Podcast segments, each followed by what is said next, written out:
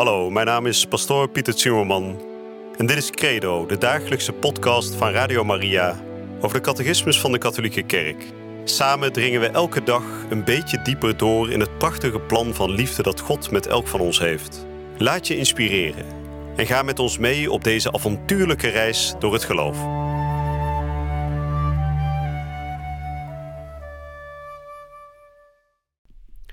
Vrienden, van harte welkom terug bij Credo, de dagelijkse podcast waar we elke dag een klein stukje uit de catechismus behandelen. En u weet, de aanhouder wint, dus als we gewoon stug doorgaan, zullen we uiteindelijk de hele catechismus samen doornemen.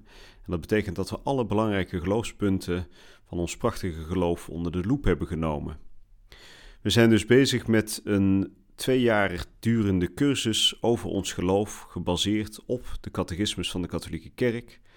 En we zijn inmiddels aanbeland bij een nieuw hoofdstuk, namelijk het hoofdstuk over de Heilige Geest. We zijn deze dagen de geloofsbeleidenis van onze kerk aan het behandelen.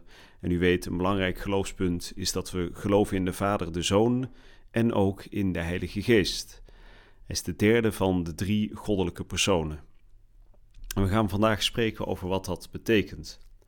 We gaan vandaag spreken over de nummers 683 tot en met 687. En met die opening van het nieuwe hoofdstuk openen we ook een belangrijke bladzijde in onze eigen eh, verdieping, want we weten natuurlijk door de Heilige Geest kunnen we alleen maar de Vader en de Zoon kennen. De Heilige Geest is degene die God heeft nagelaten, om het zo te noemen, om alles in herinnering te brengen, om Jezus te leren kennen en om de Vader te leren kennen. We zullen zoals gebruikelijk weer beginnen met gebed en het lijkt me heel gepast om vandaag ook weer te bidden tot de Heilige Geest met het bekende gebed van onze kerk. Kom Heilige Geest.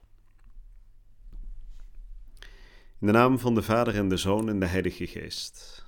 Amen. Kom Heilige Geest, vervul de harten van uw gelovigen en ontsteek hen het vuur van uw liefde. Zend uw geest uit en alles zal worden herschapen en gij zult het aanschijn van de aarde vernieuwen. God, gij hebt de harten van de gelovigen door de verlichting van de Heilige Geest onderwezen. Geef dat wij door diezelfde Heilige Geest de ware wijsheid mogen bezitten en ons altijd over zijn vertroosting mogen verblijden, door Christus onze Heer. Amen. En zoals gezegd zullen we vandaag behandelen de opening van een nieuw hoofdstuk. Ik geloof in de Heilige Geest, de nummers 683 tot en met 687. En ik lees voor. Derde hoofdstuk. Ik geloof in de Heilige Geest. Niemand kan zeggen, Jezus is de Heer, tenzij door de Heilige Geest. God heeft de geest van zijn Zoon in ons hart gezonden, die roept, Abba, Vader. Deze geloofskennis is slechts mogelijk in de Heilige Geest. Om in contact met Christus te staan, moet men allereerst door de Heilige Geest geraakt zijn. Hij is het die ons tegemoet komt en in ons het geloof opwekt. Door ons doopsel, het eerste sacrament van het geloof, wordt het leven dat zijn oorsprong heeft in de Vader en ons in de Zoon wordt gegeven, innerlijk en persoonlijk aan ons meegedeeld door de Heilige Geest in de kerk. Het doopsel schenkt ons de genade van de wedergeboorte in God de Vader, door zijn Zoon in de Heilige Geest. Want zij die de Heilige Geest van God bezitten, worden gebracht tot het Woord, dat wil zeggen tot de Zoon. Maar de Zoon biedt hen aan de Vader aan, en de Vader verschaft hun de onsterfelijkheid. Derhalve is het niet mogelijk zonder de Geest de Zoon van God te zien, en zonder de Zoon kan niemand tot de Vader naderen. Want het kennen van de Vader is de Zoon, en het kennen van de Zoon van God komt door de Heilige Geest tot stand. Door Zijn genade is de Heilige Geest de eerste bij het ontwaken van ons geloof. En hij staat ook aan het begin van het nieuwe leven dat hierin bestaat. De Vader en Hem die Hij gezonden heeft, Jezus Christus, kennen. Bij de openbaring van de personen van de Heilige Drie-eenheid is Hij echter de laatste de heilige Gregorius van Nazianze, de theoloog, verklaart deze voortgang door de pedagogie van de goddelijke genadige welwillendheid. Het Oude Testament verkondigde openlijk de Vader, maar sprak over de Zoon in meer bedekte termen. Het Nieuwe Testament heeft de Zoon en een glimp van de Godheid van de Geest laten zien. Nu heeft de Geest burgerrecht onder ons verworven en gunt ons een duidelijker zicht op Hem. Het was immers niet verstandig openlijk de Zoon te verkondigen, toen men nog niet de Godheid van de Vader beleed.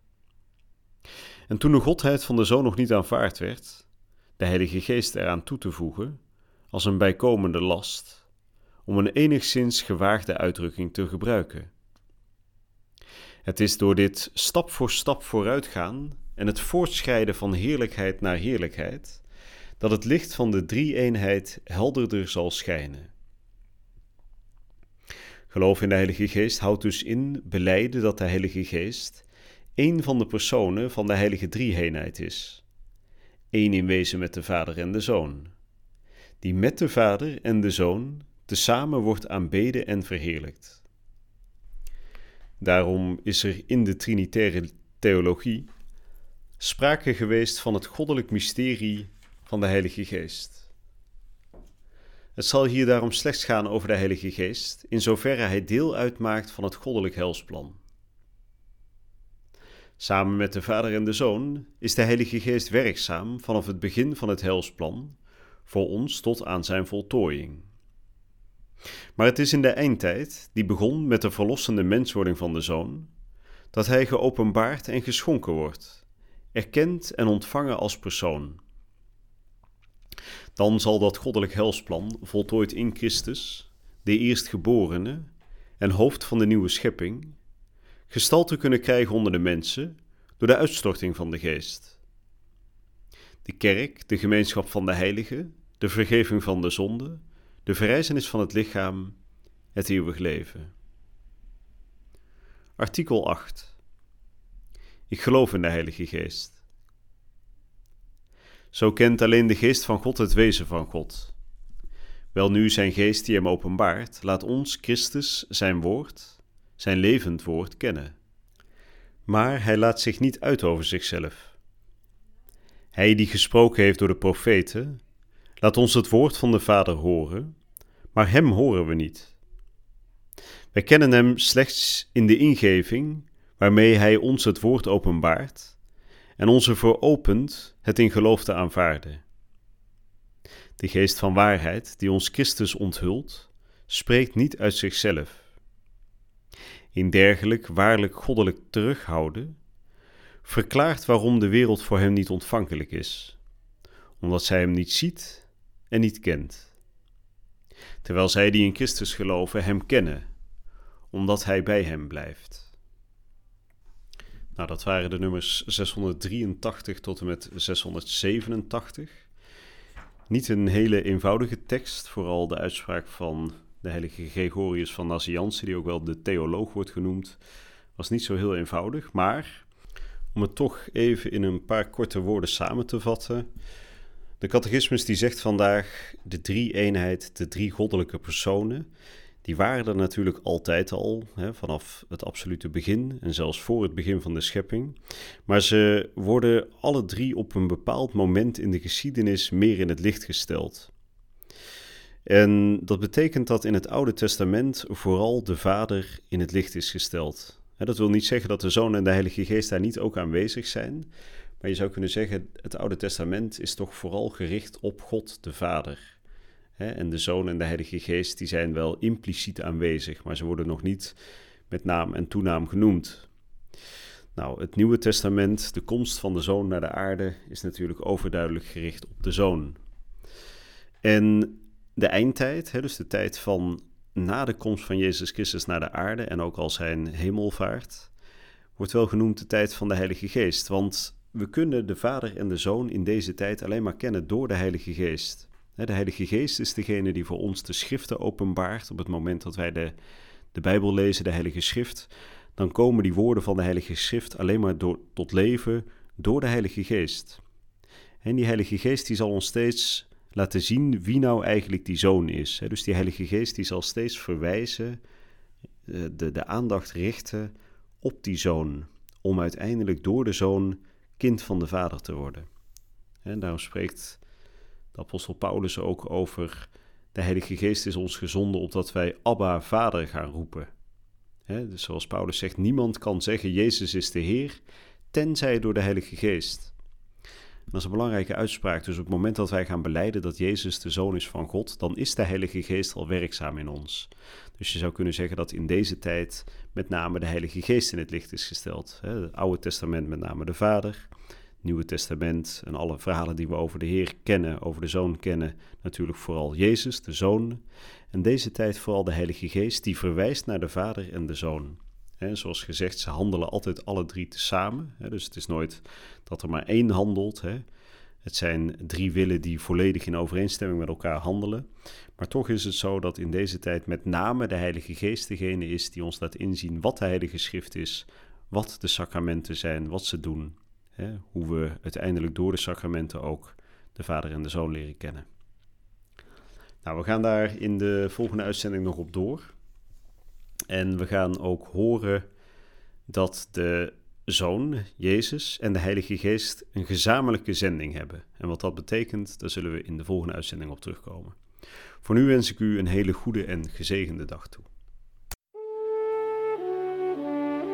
Je luisterde naar Credo, de dagelijkse podcast van Radio Maria over de catechismus van de Katholieke Kerk. Credo is iedere werkdag te beluisteren op Radio Maria.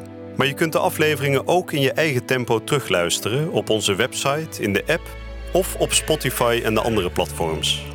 Via de website radiomaria.nl vind je dagelijks de link om de bijbehorende teksten uit de catechismus mee of terug te lezen. We zijn erg dankbaar voor alle giften die wij mogen ontvangen. Daardoor kunnen we ons goede werk blijven doen. Draag je ook bij aan deze missie?